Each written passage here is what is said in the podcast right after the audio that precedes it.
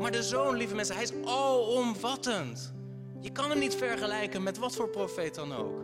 Door hem is de aarde geschapen en de hemel en al wat daarin is. En van hem is dat alles, want hij is de erfgenaam. We beginnen samen te lezen Hebreeën hoofdstuk 1, vers 1 tot 3. En de boodschap heeft als titel de alles overtreffende openbaring van de Zoon. De alles overtreffende openbaring van de Zoon. Hebreeën 1, vers 1 tot 3. Nadat God voorheen vele malen en op vele wijzen tot de vaderen gesproken had door de profeten, heeft Hij in deze laatste dagen tot ons gesproken door de Zoon, die Hij erfgenaam gemaakt heeft van alles, door wie Hij ook de wereld gemaakt heeft. Hij die de afstraling van Gods heerlijkheid is en de afdruk van Zijn zelfstandigheid, die alle dingen draagt door Zijn krachtig woord heeft, nadat hij de reiniging van onze zonde door zichzelf tot stand had gebracht, zich gezet aan de rechterhand van de majesteit in de hoogste hemelen. Amen. Ik kan je laten zien dat er heel veel interessante dingen in deze verse zitten en dat ga ik ook doen, maar wat ik je steeds opnieuw wil laten zien is hoe past datgene wat hier staat in die context. Zodat je straks kan komen tot een toepassing in je eigen leven waarbij je de context ook meeweegt. Dat is belangrijk. Dus Tuurlijk kunnen we hier lezen, God is een sprekend God. Dat valt meteen al op. God is een God die spreekt. Hij is een God die zichzelf bekend wil maken. Hij zoekt relatie. En er staat, God heeft voorheen op vele malen en op vele wijzen tot de vaderen gesproken door de profeten. Waarom zegt de auteur dit? Hij zegt dit waarschijnlijk omdat hij meteen erkenning wil geven aan de Joden die worstelen met terugkeren naar het Jodendom. Van, tuurlijk, tuurlijk, God heeft gesproken door Mozes. Het is niet een een soort concurrentie. God heeft gesproken door Mozes. God heeft gesproken door David. God heeft gesproken door Jezaja. Hij heeft gesproken door Daniel.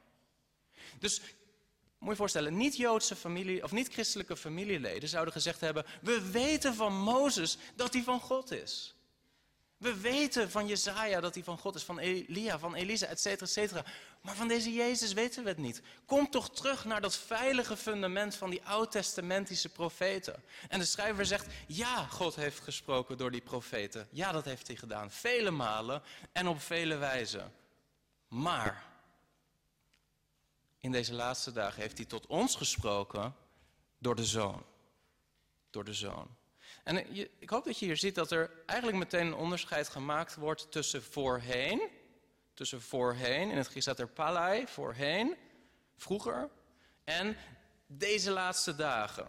Deze laatste dagen. En de Bijbel splitst de hele geschiedenis van de mensheid op in twee perioden. De eerste dagen, de laatste dagen. Wij leven nog, nog steeds in die laatste dagen.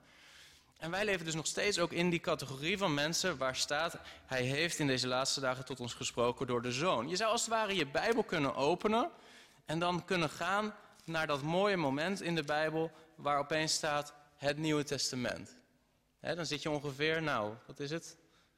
Een vierde ongeveer, een derde, Nieuwe Testament. Oude Testament. En dan klap je die open en dan kijk je naar je linkerhand en dan zeg je, voorheen heeft God gesproken op vele malen, vele malen en vele wijzen tot de vaderen door de profeten. Dat is dit. En dan pak je die andere kant en dan zeg je, maar hij heeft in deze laatste dagen tot ons gesproken door de Zoon. Zeg je broeder Chris, maar dat is allebei het woord van God, toch? Ja, het is allebei het woord van God. Maar, maar, er is wel iets te zeggen over het kwalitatief verschil tussen Gods spreken door de profeten op vele wijzen en vele malen en het kwalitatieve spreken, de openbaring van God door de Zoon. En daar komen we straks op. Maar dat is in feite al meteen het eerste punt. Want hij zegt, God heeft voorheen vele malen, en dan gebruikt hij een woord, polymeros, in vele delen zou je letterlijk kunnen zeggen. God heeft gesproken in vele delen, in stukken, door de profeten. En met dat woord suggereert de schrijver als het ware, het Oude Testament bestaat uit allemaal stukjes van Gods openbaring. Stukjes van Gods spreken. En niet alleen dat, het zijn allemaal stukjes. Jezaja leeft in een bepaalde tijd, Mozes in een bepaalde tijd, et cetera, et cetera. David in een bepaalde tijd, Salomo, de psalmen, de spreuken. Allemaal stukjes openbaring En dan zegt hij achteraan, en op vele wijzen. Polytropos, op vele wijzen. En dan wil hij daarmee zeggen, bijvoorbeeld door middel van visioenen, door middel van dromen, door middel van de psalmen van David. David die denkt, ik schrijf een mooie psalm aan God. En vervolgens belandt het in de schrift en wordt het gezien als geïnspireerde schrift, waarin we ook heel veel profetieën van de Heer Jezus terugvinden. Dat is weer een hele andere manier van schrijven dan Mozes, die gewoon als het ware van mond tot mond hoorde wat God tot hem zei. Dat staat ook in nummer 12, vers 6. Daar zegt God tegen Mozes of tegen het volk: Luister toch naar mijn woorden. Als iemand onder u een profeet is, maak ik, de Heere, mij door een visioen aan hem bekend. Spreek ik met hem door een droom. Maar zo doe ik niet tegenover mijn dienaar Mozes, die in mijn hele huis trouw is. Met hem spreek ik van mond tot mond, ja zichtbaar, en niet in raadsels. Hij aanschouwt de gestalte van de Heere. Waarom zeg ik dit? Omdat ik ermee wil benadrukken dat er waren visioenen, er waren dromen, er waren psalmen. Zelfs dromen aan niet-gelovige koningen. Weet je nog? Een koning als Nebukadnezar die een droom krijgt en een Daniel die de dromen uitlegt en dat belandt in de schrift. En zie je op hoeveel verschillende manieren God spreekt en op, in hoeveel stukjes hij spreekt. En we krijgen als het ware het beeld van een soort mozaïek, een soort glas in lood mozaïek met allemaal stukjes die samen een soort beeld aan ons geven, waar, waar licht doorheen schijnt. Maar het is toch in zekere zin zwak. Het is van God, maar het is verzwakt. Waarom is het verzwakt? Omdat het in stukjes is. Het is in stukjes en het is op verschillende manieren. En het is soms raadselachtig. Het is, je zou kunnen zeggen, kan het niet wat helderder? Kan het niet wat duidelijker? Kan het niet wat geïntegreerder? Kan God niet gewoon als het ware verschijnen aan mij in zijn volle glorie en mij laten zien wie hij is? Waarom moet het in al die stukjes? En dan zegt de auteur, in deze laatste dagen heeft hij tot ons gesproken door de zoon. De zoon. De zoon.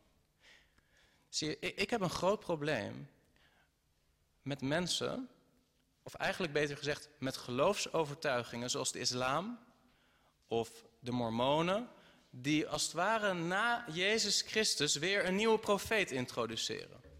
Ja, wij luisteren ook naar Jezus, maar we hebben ook deze profeet. We hebben ook de profeet Mohammed. We hebben ook Joseph Smith. We hebben ook, noem maar wat. En als iemand naar mij toe komt en zegt, ja, ik geloof, geloof, in Jezus, maar ik geloof ook dat na Jezus dat er nog een profeet is geweest waardoor God heeft gesproken. Dan zeg ik respectvol doch vriendelijk, nee dank je. Nee, dank je. Want als je dat zou accepteren, dan begrijp je niet wat de Heilige Geest hier zegt. God heeft gesproken op vele wijzen, vele malen door de profeten. Maar nu heeft hij in deze laatste dagen tot ons gesproken door zijn zoon. Ik hoef niet meer een profeet. Nee, dank je. Ik heb de zoon. Ik heb de zoon. En dan gaan we door naar vers 2. En dan gaat de auteur meteen laten zien wat het verschil is tussen de zoon en, laten we zeggen, het blik profeten wat opengetrokken zou kunnen worden. Het, de, de profeten die wel degelijk in het Oude Testament door God gezonden zijn. Maar lieve mensen, er is een enorm verschil tussen een profeet waarvan God er tien in een, of wat is het, twaalf in een dozijn, zomaar naar je toe zou kunnen sturen, en de zoon. Er is niets of niemand zoals de zoon. Dat is het volgende punt. Vers 2. Kijk met mij naar wat daar staat. De zoon die hij. En nu komen er zeven kwalificaties van de zoon. Zeven eigenschappen in vers 2 en 3. Dat is, dat is al knap, dat je in, in twee versen zeven eigenschappen van de zoon. Maar het is als het ware alsof, alsof het hart van de auteur openbarst. En hij wil meteen zijn punt maken, lieve mensen. Je kunt de zoon niet achterlaten. Je kunt niet terug naar Mozes. Je kunt niet terug naar die inferieure profeten. Als je de zoon hebt ontvangen. Het kan niet. Want de zoon, en dan komt het eerste, heeft hij erfgenaam gemaakt van alles en is degene door wie hij ook de wereld gemaakt heeft. Eerste punt. De zoon is, het, is de erfgenaam van alle dingen. weet iedereen wat een erfgenaam is?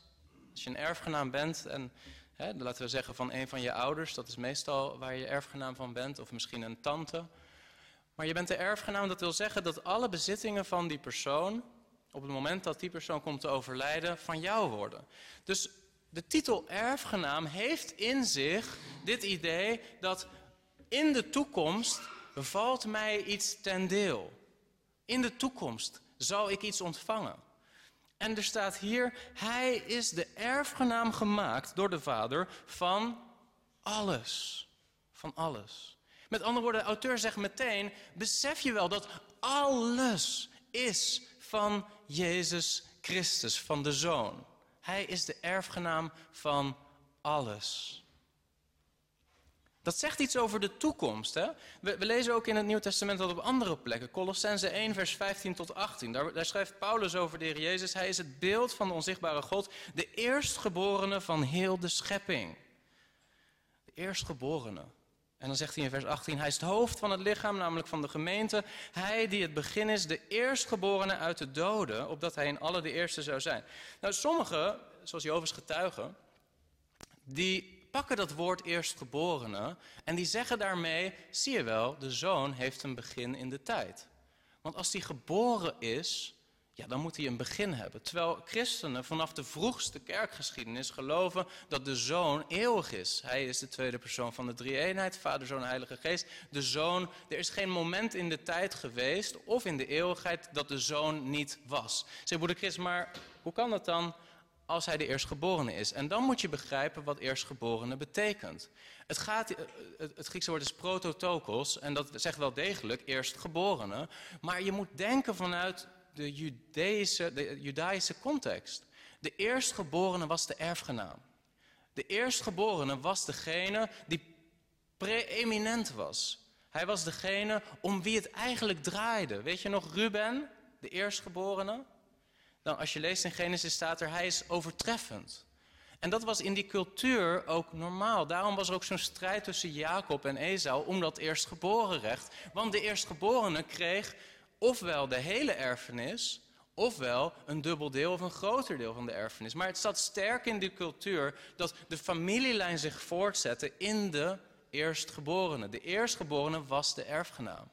Dus wanneer Paulus steeds opnieuw zegt, hij is de eerstgeborene, zegt hij niet, dat is niet zijn intentie om te zeggen, nou de zoon heeft een begin, maar wat hij zegt is, de zoon is alles overstijgend. Het draait allemaal om hem. Dat is belangrijk om te beseffen. Dus als of dat hij nou zegt hij is de eerstgeborene van heel de schepping of hij is de eerstgeborene uit de doden. Zijn punt is de zoon is alles overtreffend. Het draait allemaal om hem. Hij is de erfgenaam. Psalm 2 vers 7, daar schrijft de psalmist, ik zal het besluit bekendmaken. De Heere heeft tegen mij gezegd, u bent mijn zoon, ik heb u heden verwekt. Eis van mij en ik zal u de heidenvolken als uw eigendom geven, de einde der aarde als uw bezit. Dat is een profetie waar de vader spreekt tot de zoon en zegt, ik heb u heden verwekt. In het Nieuw Testament wordt dit geciteerd als betrekking hebbend op de opstanding van Jezus. Niet op zijn geboorte, maar op de opstanding. Ik heb u heden verwekt uit de dood. Eis van mij en ik geef u de heidenvolken. En we weten dat Jezus dat gedaan heeft. Hij gaat in de heerlijkheid binnen van zijn vader. En hij komt tot zijn discipelen ook. En hij zegt, mij is gegeven alle macht in de hemel en op aarde. Hij is de erfgenaam. En langzaam zal steeds meer de realiteit zich gaan ontvouwen van het praktische eigendom van Jezus. Op dit moment zien we dat nog niet. Op dit moment lijkt het nog zo dat zoveel niet van Hem is. Maar het is Hem gegeven en Hij zal dat bezit steeds meer tot zich nemen en implementeren. Er komt een moment in de tijd waarop het duidelijk zal zijn, alles is van Hem. Maar het is al van Hem. Het is al van Hem. Dus hij is de erfgenaam van alles. Dat is het eerste wat de auteur zegt. Dus hij, hij wijst ons op de toekomst. Jongens, de zoon, hij heeft een hele allesomvattende rol voor de toekomst. Maar vervolgens gaat hij meteen terug naar het verleden. Kijk wat hij doet daarna. Door wie hij ook de wereld heeft gemaakt. Dus eerst naar de toekomst. Hij, heeft de erfgenaam, hij is de erfgenaam van alles. Dan terug naar het verleden, helemaal naar het begin. Hij heeft, door hem is heel de wereld gemaakt. Zie je wat hij doet? Hij probeert te laten zien, de zoon is alomvattend. God heeft eertijds gesproken in stukjes door die profeet die een paar tientallen jaren leefde. En door die profeet. Maar de zoon, lieve mensen, hij is alomvattend. Je kan hem niet vergelijken met wat voor profeet dan ook. Door hem is de aarde geschapen en de hemel en al wat daarin is. En van hem is dat alles, want hij is de erfgenaam.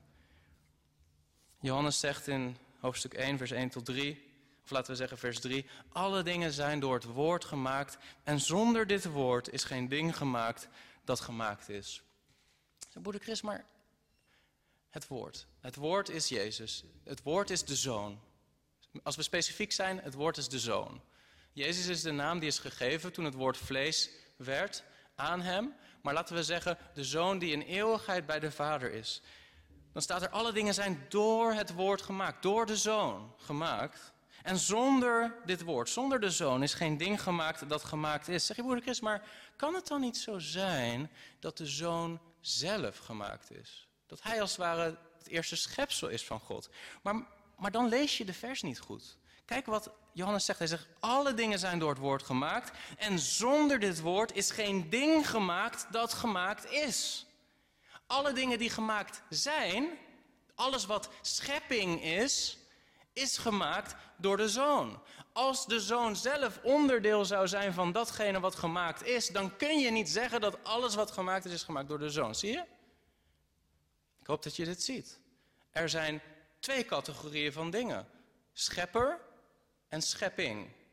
God is de schepper en alles wat hij gemaakt heeft is de schepping. En dan is de vraag: in welke categorie moeten we de zoon plaatsen? Zit hij in, het, in de categorie schepping, zoals Jehovah's getuigen zeggen? Of zit hij in de categorie schepper? En de auteur zegt, zowel van Johannes 1 als van Hebreeën, hij is schepper. De zoon is degene door wie alle dingen gemaakt zijn. Zie je, de zoon heeft in de drie-eenheid de rol om de middelaar te zijn. Niet slechts in verlossing. Wij kennen de zoon als de middelaar in verlossing, toch? Hij is gezonden, hij is gestorven, hij is onze hoge priester. Hij is de enige middelaar tussen God en mensen. Maar de zoon heeft ook de rol van middelaar, niet alleen in verlossing, maar ook in schepping. God heeft alle dingen gemaakt door zijn zoon. En hij is ook de middelaar in het oordeel. Hij zal alle dingen, God zal alle dingen oordelen, alle mensen oordelen door zijn zoon. De zoon heeft in de drie-eenheid die rol om middelaar te zijn. En meer zal ik er niet over zeggen, want dan komen we in de eeuwigheid en de mysterieën die voor ons als mensen ons verstand te boven gaan. Maar dat wat ik zeg is bijbels en gebaseerd op wat de schrift onderwijst over de zoon. De overtuiging van de auteur is zo sterk dat de zoon schepper is van alle dingen, dat hij een paar versen verder in Hebreeën hoofdstuk 1, en dat is vanaf vers 10 tot 12, begint hij Psalm 102 te citeren. En als ik jou Psalm 102 zou laten lezen in zijn volledigheid, dan zou jij zelf zeggen, ja, dit gaat over God. God die alle dingen gemaakt heeft, die wordt bejubeld om wat hij heeft gedaan. En dan, je zou eigenlijk nergens uit die psalm zomaar kunnen opmaken dat het gaat over de zoon. En de auteur van de Hebreeënbrief citeert gewoon vers 26 tot 28 van Psalm 102. En daar staat, u hebt voorheen de aardige grondvest. De hemel is het werk van uw handen. Die zullen vergaan. Maar u zult stand houden. Zij alle zullen verslijten als een kleed. U zult ze verwisselen als een gewaad en ze zullen verdwijnen. Maar u blijft dezelfde. Aan uw jaren zal geen einde komen. Zeg, over wie gaat Psalm 102? Over God. Over Yahweh. Dat, dat is de naam die er staat in Psalm 102. Maar de, de auteur van de Hebreeënbrief citeert dit en zegt, dit gaat over de zoon. Dit gaat over de zoon. Jovens getuigen begrijpen daar niks van. Die, die, kunnen dit niet uitleggen. Hoe kan het dat de auteur van de Hebreeënbrief Psalm 102 vers 26 tot 28 citeert en zegt dit gaat over de zoon. En als je kijkt daar in dat psalm dan gaat het over, in hun beleving, Jehovah. Mijn punt nu is niet om het te hebben over getuigen. Mijn punt is om te laten zien, zie je hoe overtuigd de schrijver van de Hebreeënbrief is dat hij gewoon zo'n deel uit het Oude Testament, wat duidelijk betrekking heeft op God, toepast op de zoon en zegt, dit gaat over de zoon. Dan komen we in vers 3. Dus we hebben gezien allereerst, hij is de erfgenaam van alles. Ten tweede, hij is de schepper van de wereld, van alle dingen. En dan komen we in vers 3. Hij die de afstraling van Gods heerlijkheid is. En dan beginnen we daar eens over na te denken. De afstraling van Gods heerlijkheid. Wat betekent dat? Je zou misschien in je hoofd kunnen hebben het beeld van een zon waar licht vanaf komt. Het straalt. En je hebt een spiegel en die spiegel die weerkaatst de straling van dat licht. En dan zou je kunnen zeggen, de zoon is als het ware die spiegel. Hij reflecteert de heerlijkheid van God. Of je zou kunnen zeggen, de zoon is als het ware zoals de maan. De maan weerspiegelt, hij geeft zelf niet licht, maar hij weerspiegelt het licht van de zon. En dat is niet wat hier bedoeld wordt. Ik zeg het omdat je erover na zou kunnen denken dat het zo is, maar dat is niet wat hier staat. Wat hier staat is, de zoon is als het ware zoals het licht van de zon wat afstraalt van de zon. Hij is niet een soort reflector, nee, hij is dat licht. Hij is dat licht. Als jij naar de zon kijkt, je moet het niet doen, want het is slecht voor je ogen. niet te lang in elk geval, maar als je naar de zon kijkt, wat zie je dan? Wat je ziet is het licht wat afstraalt van die zon. En de auteur van de Hebreeënbrief zegt als het ware, Gods heerlijkheid wordt zichtbaar door de zoon. Hij weerspiegelt het niet, nee, hij is de afstraling van Gods heerlijkheid. Dat is wie hij is. Er staat in Johannes 5, vers 35. Daar zegt Jezus over Johannes de Doper: Hij was de brandende en lichtgevende lamp. En u hebt u voor een korte tijd in zijn licht willen verheugen. Maar ik heb een getuigenis dat groter is dan dat van Johannes. En dit zou je opnieuw kunnen laten betrekken op dat hele thema van oud-testamentische profeten en de zoon. Zoals waar alsof Jezus zegt: U hebt u een tijd willen verheugen in dat licht van die oud-testamentische profeten. En dat is oké, dat is goed. Die waren door God gestuurd. Maar nu ben ik hier. Nu ben ik hier. En later zegt hij, u onderzoekt de schriften, want u denkt daardoor het eeuwig leven te hebben. En die zijn er die van mij getuigen. En toch wilt u niet tot mij komen, opdat u leven hebt. Zie je, het gaat nog steeds over dat thema. God heeft in het Oude Testament gesproken op vele wijzen, in vele stukjes door de profeten. Maar nu hebben we een grotere openbaring, een alles overtreffende openbaring. Daar waar hij eerst sprak door een mozaïek, waar als het ware het licht doorheen scheen, hebben we nu de bron van het licht hier zelf bij ons. Hij is het licht der wereld. Hij reflecteert het niet, hij presenteert het niet als een lamp, hij is het. En heel het Oude Testament verwees naar Hem. En nu wil je Hem weer achterlaten om terug te gaan naar Mozes? Zie je hoe absurd dit is? En dit is het argument van de schrijver. Meteen al. Hij is de schepper. Hij is de erfgenaam. Hij is de afstraling van Gods heerlijkheid. Zeg je moeilijk is, maar ik zie de zoon niet. Ik zie hem niet. Ik leef in het jaar 2022. En je hebt het over de zoon, de zoon. Maar ja, de zoon leefde op aarde 2000 jaar geleden. Ik zie hem niet. Maar wat hier bedoeld wordt is dit. Kijk wat Paulus zegt in 2 Korinthe hoofdstuk 4. Vers 4 tot 6. Van hen, ik ga even niet de context toelichten, maar het gaat om een, bijzinnetje hier. Daar zegt Paulus, opdat de verlichting van het evangelie van de heerlijkheid van Christus, die het beeld van God is, hen niet zou bestralen. En later zegt hij in 2 Korinthe 4 vers 6, God die gezegd heeft dat het licht uit de duisternis zou schijnen, is ook degene die, het in ons, die in onze harten geschenen heeft tot verlichting met de kennis van de heerlijkheid van God in het aangezicht van Jezus Christus. Met andere woorden, wanneer we de boodschap van het evangelie prediken, wanneer we zeggen tegen mensen, de zoon is vlees geworden. De zoon heeft aan dat kruis gehangen voor onze zonde. De zoon is opgestaan uit de dood. De zoon is gezeten aan de rechterhand van de vader. Die boodschap die we prediken. We prediken daarmee Gods volle openbaring. De ultieme openbaring van wie God is, is in het evangelie. Zij broeder ja dat hebben we wel. Het evangelie van de zoon hebben we wel. Maar dat is het licht. Dat is het. Dat is de zoon. Als je het evangelie hebt aangenomen van de zoon, dan heb je de zoon. Dan heb je het licht. En dan staat er achteraan niet alleen de afstraling van Gods heerlijkheid. Zeg, moet ik maar hoe werkt dat dan? De afstraling van Gods heerlijkheid. Weet je nog dat moment dat de Heer Jezus, hij hangt aan het kruis. En op dat moment dat hij de geest geeft, dan scheurt het voorhangsel. Het punt is dat de Vader zegt, en nu ben ik zichtbaar. En nu kun je zien in mijn hart. Nu weet je waar het in de kern om gaat. En dat is het moment dat God zijn liefde laat zien. Dat is het moment dat hij zijn hart laat zien door de zoon. En wij hebben de zoon.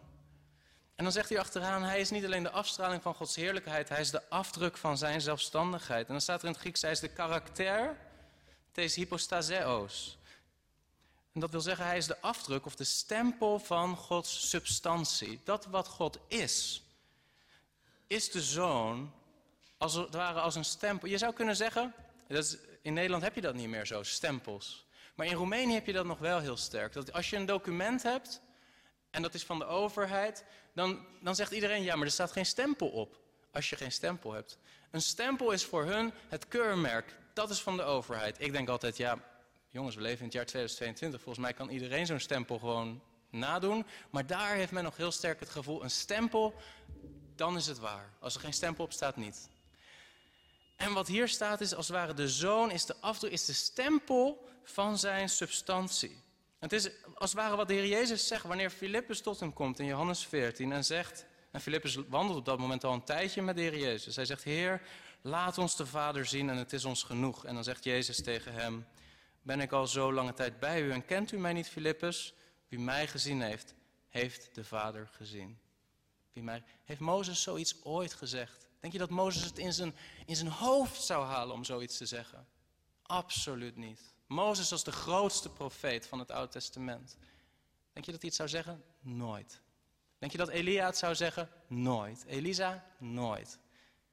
Niemand van hun zou het in zijn hoofd halen om te zeggen: Wie mij heeft gezien, heeft God gezien. En de zoon zegt tegen Filippus: Ben ik al zo lang bij u, Filippus? Kent u mij nog niet? Wie mij heeft gezien, heeft de Vader gezien. Waarmee de Heer Jezus niet zegt: Ik ben de Vader. Dat zegt hij niet. Maar wat hij zegt is: Ik ben de afdruk van zijn zelfstandigheid. Wie mij gezien heeft, wie mijn karakter heeft gezien, heeft de Vader gezien.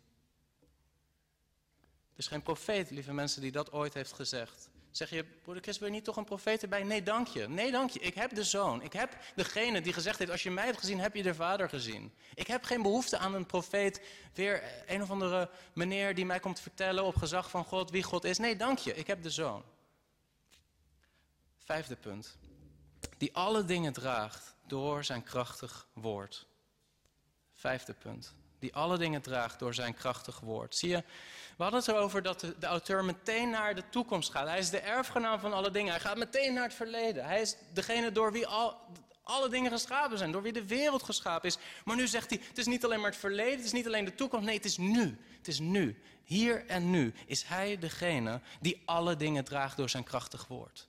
Hij draagt alle dingen. Hij is degene die deze wereld in stand houdt. Als ik nu mijn telefoon oppak en ik laat hem vallen op de grond, dan is de enige reden dat die telefoon weer op de grond valt en die wet van de zwaartekracht nog geldig is, is omdat hij alle dingen in stand houdt. Hij is de reden dat onze chemie maar blijft voortbestaan en gaan zoals het is. Dat natuurwetten zich blijven herhalen. Dat de zon ochtends weer opkomt en s'avonds weer ondergaat. Dat die wetmatigheid er is. Hij houdt alle dingen vast door zijn krachtig woord. En niet alleen die fysische dingen in onze natuur, maar ook jouw leven. Jou.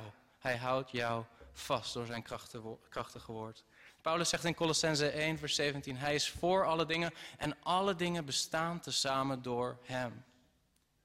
En dan komen we op het zesde punt: de reiniging van onze zonde tot stand gebracht. Nadat hij als het ware iets beschrijft van wie de zoon is, gaat hij beschrijven wat de zoon heeft gedaan. Deze zoon van God. Deze volmaakte afstraling van Gods heerlijkheid. Deze afdruk van zijn natuur, van zijn wezen, is degene die de reiniging van onze zonde tot stand heeft gebracht. Hij heeft ons gereinigd. En dat wordt in een paar woordjes even zo genoemd. Maar daar staat als het ware het hele evangelie. Hij heeft de reiniging van onze zonde tot stand gebracht. En daar gaat de auteur later in de Hebreeënbrief enorm over uitweiden. Kijk bijvoorbeeld naar Hebreeën hoofdstuk 9, vers 13 tot 14. Daar zegt de auteur, want als het bloed van stieren en bokken en de as van de jonge koe op de verontreinigden gesprenkeld, hen heilig tot reinheid van het vlees, hoeveel te meer zal het bloed van Christus, die door de eeuwige geest zichzelf smetteloos aan God geofferd heeft, uw geweten reinigen van dode werken om de levende God te dienen. Weet je toevallig wat een Jood moest doen. Stel je voor dat jij was een van deze Joden. Een van deze christenen uit de Joden in deze kerk. En jij dacht, oké, nu wordt het me allemaal te gek. Uh, vervolging, familieproblemen. Ik stop met dit christelijk geloof. Ik ga terug. Wat moest de Jood doen op dat moment? Wilde hij weer terugkeren naar het Jodendom? Er zijn eigenlijk drie regels. De eerste is, hij, had, hij moest zich laten besnijden. Maar goed, dat was meestal al gebeurd. Tenzij het echt een soort van in de christelijke gemeenschap geboren Jood was, dan weten we het niet helemaal zeker. Maar laten we ervan uitgaan, dat was gebeurd. Wat waren de andere dingen die moesten gebeuren? Hij moest zich opnieuw laten dopen. Ook dat was een gebruik in het Jodendom. De, de, uh, de mikva. De. Hij moest zich opnieuw laten dopen, als het ware. Om daarmee aan te geven, ik ga weer mezelf onderdompelen en terug in de rituele reiniging van het Jodendom. Een derde punt was, hij moest naar de tempel om een offer te brengen. Kun je je voorstellen dat je in de gemeenschap van christenen hebt gezeten en jou is altijd verteld, Jezus is het volmaakte offer, eens voor altijd gebracht. En je hebt al dat licht ontvangen en je gaat toch weer naar de tempel. En je komt daar weer en je ziet daar de hoge priester staan, een oude man die langzaam aan het sterven is. En je komt daar aan met je dier, een, een dier waarvan je ziet het is, het is tijdelijk. En je brengt daar dat offer en tegelijkertijd is alles in je geweten zegt, dit is één grote schaduw.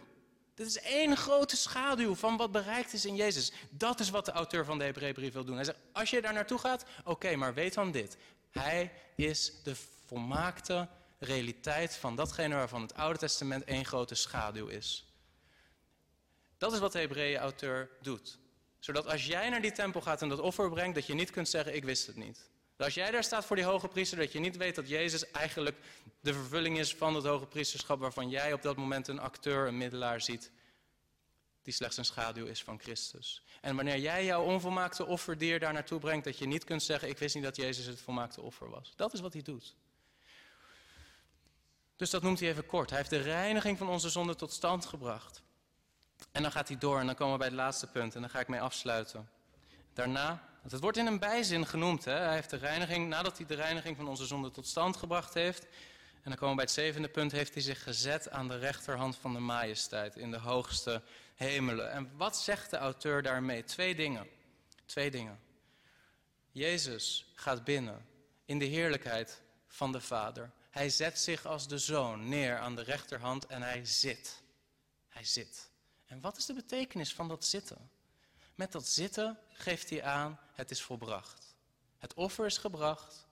Mijn bediening als Messias op aarde is vervuld. Het is klaar. En dat is iets wat de hoge priester nooit kon doen in het Oude Testament, gaan zitten. Nee, het was een voortdurend systeem. Het bleef maar doorgaan. De ene hoge priester moest weer door de volgende vervangen worden. En steeds waren ze aan het werken. Het was eigenlijk was geen moment om te kunnen zitten, want het probleem was nooit opgelost. Dat is een ander argument wat terugkomt in de Hebreeënbrief. Maar wanneer de zoon zichzelf geofferd heeft en opstaat en gaat in de heerlijkheid van de Vader, zit hij. Hij zit. Een tweede punt is dit. Hij zit aan de rechterhand van de Vader in de heerlijkheid, in de hemel. Hij zit niet in een afbeelding van het heiligdom. Hij zit niet in een tabernakel. Hij zit niet in een tempel die met steen gemaakt is en in Jeruzalem staat. Nee, hij zit aan de rechterhand van de Vader. Zijn positie is een positie waar engelen niet binnen durven gaan. Kun je dat voorstellen? Dat we lezen soms in, in, in het boekje Zaja, zien we de heerlijkheid van God. En dan zien we die, die, die cherubims of die serafims die daar zijn naast de troon. En wat doen ze? Ze roepen heilig, heilig, heilig is de Heer God Almachtig. Heilig, heilig, heilig. En ze bedekken zichzelf. Maar wat zien we de zoon? We zien de zoon niet binnenkomen bij de vader en zichzelf bedekken. Nee, hij loopt binnen en hij zit. Het is zijn plek. Het is zijn plek, lieve mensen. De zoon is niet een engel. De zoon is niet een of andere cherub of een serafim. De zoon is God. Het is zijn plek. Hij hoort er te zitten. Het is zijn plek. Hebreeën 8, vers 1 tot 5, daar zegt de auteur dit ook. Hij zegt, de hoofdzaak nu van de dingen waarover wij spreken is dit. Zo'n hoge priester hebben wij. Eén die zich gezet heeft aan de rechterhand van de troon van de majesteit in de hemelen. Hij is een dienaar in het heiligdom en in de ware tabernakel die de Heer heeft opgericht en niet een mens. De ware tabernakel. En vers 5. De priesters, en dan heeft hij het over de priesters onder de Mosaïsche wet. Deze priesters doen dienst in een afbeelding en schaduw van de hemelse dingen, overeenkomstig een aanwijzing van God die Mozes ontving bij het voltooien van de tabernakel. Want zie erop toe, zegt hij, dat u alles maakt overeenkomstig het voorbeeld dat u op de berg getoond is. Ja, God liet Mozes een beeld zien. Bouw die tabernakel en daar doen die priesters dienst.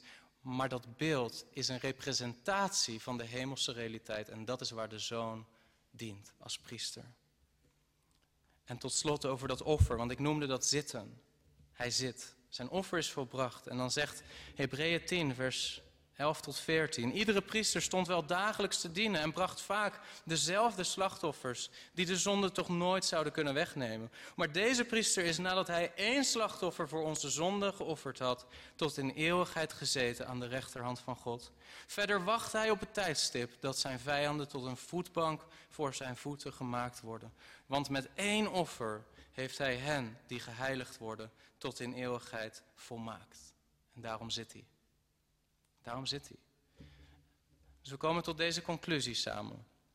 Deze Joodse christenen hadden het nodig, vanwege de druk die ze ervoeren, om herinnerd te worden aan de grootheid van de Zoon. En dat is meteen de toepassing voor jou en mij. Op het moment dat in ons leven er druk is, op het moment dat we zien in de samenleving een toenemende druk om ons christelijk geloof ofwel te verlaten, dan wel compromissen ermee te sluiten. Of als je misschien tot geloof komt in Jezus en strijd ervaart in je familiekringen of in de mensen om je heen op je werk, dan is het antwoord op al die druk die op je af kan komen altijd: hef je oog omhoog en zie de zoon. Zie je hem? Zie je de grootheid van wie hij is? Hij is niet een profeet, lieve mensen. Hij is niet één van de velen. Het draait om hem. Hij is het begin en het einde. En alle dingen worden door hem in stand gehouden. Besef je. En dan ga ik daar toch mee afsluiten. Maar Martin Lloyd Jones, die kennen jullie misschien wel. Martin Lloyd Jones, ik vind altijd een hele mooie, nou ja, een hele bekende, misschien wel een van de meest bekende predikanten van de afgelopen 200 jaar. En Martin Lloyd Jones was een arts voordat hij een dominee werd, predikant werd. Dus ik kan me altijd een beetje identificeren met hem, in elk geval vanwege dat stukje. Niet dat ik zo goed spreek als hij, maar Martin Lloyd Jones heeft ook gesproken over deze dit passagestuk. En hij zei op een gegeven moment dit: Laten we samen naar Golgotha gaan. En ik, ik, ik weet niet precies zijn woorden, maar hij zei dit: Laten we samen naar Golgotha gaan. Wat zie je? Wat zie je? We kijken naar het kruis. Wat zie je? Zegt, ik zie een man die niks heeft. Hij heeft niks. Zijn handen zijn leeg. Hij heeft niks. Zeg, maar dat is de erfgenaam van alles. Die man die niks heeft, hij is de erfgenaam van alles. Zeg, maar hij heeft, zijn handen zijn leeg en doorboord. Ja, maar die handen hebben alles geschapen en hebben jou geschapen. Zeg je, ja, maar als ik naar die man kijk, wat ik zie is, is, is afstotelijk. Hij is verbrijzeld. Hij is geen mens meer. Zeg je, maar hij is de afstraling van Gods heerlijkheid. Zeg je, maar, maar dit is, de hele menselijke natuur is niet meer zichtbaar, zo gekweld is hij. Zegt, ja, maar hij is de afdruk van Gods natuur. Zeg je, oké, maar deze man, hij is zo zwak. Hij is zo zwak. Hij kan nauwelijks zichzelf in stand houden daar. Ja, maar die man, hij is degene die alles draagt. Alle dingen draagt door zijn krachtige woord. Zeg je, ja, maar hij is, hij is gestraft, die man. Ik zie een man die gestraft is. Ik zie een man die daar hangt en gepijnigd wordt. Zeg je, ja, maar hij is degene die jou reinigt van jouw zonde. Die jouw straf wegneemt, daar op dat moment. Zeg je, ik zie een man, hij hangt tussen hemel en aarde. Er is als het ware in de hemel geen plek voor hem en er is op de aarde geen plek voor hem. Hij hoort nergens, deze man. Hij is overal uitgestoten. Zeg je, ja, maar deze man is gezeten aan de rechterhand van God. Zie je de heerlijkheid van de Zoon? We sluiten af met datgene wat Johannes zegt. Lieve mensen, als je de Zoon hebt ontvangen, kun je niet weg. Want er is simpelweg niets om naartoe te gaan. Er is niets vergelijkbaars om naartoe te gaan. En Johannes zegt het als volgt in 1 Johannes hoofdstuk 5 vers 12. Hij zegt, wie de Zoon heeft, heeft het leven. Wie de Zoon van God niet heeft, heeft het leven niet.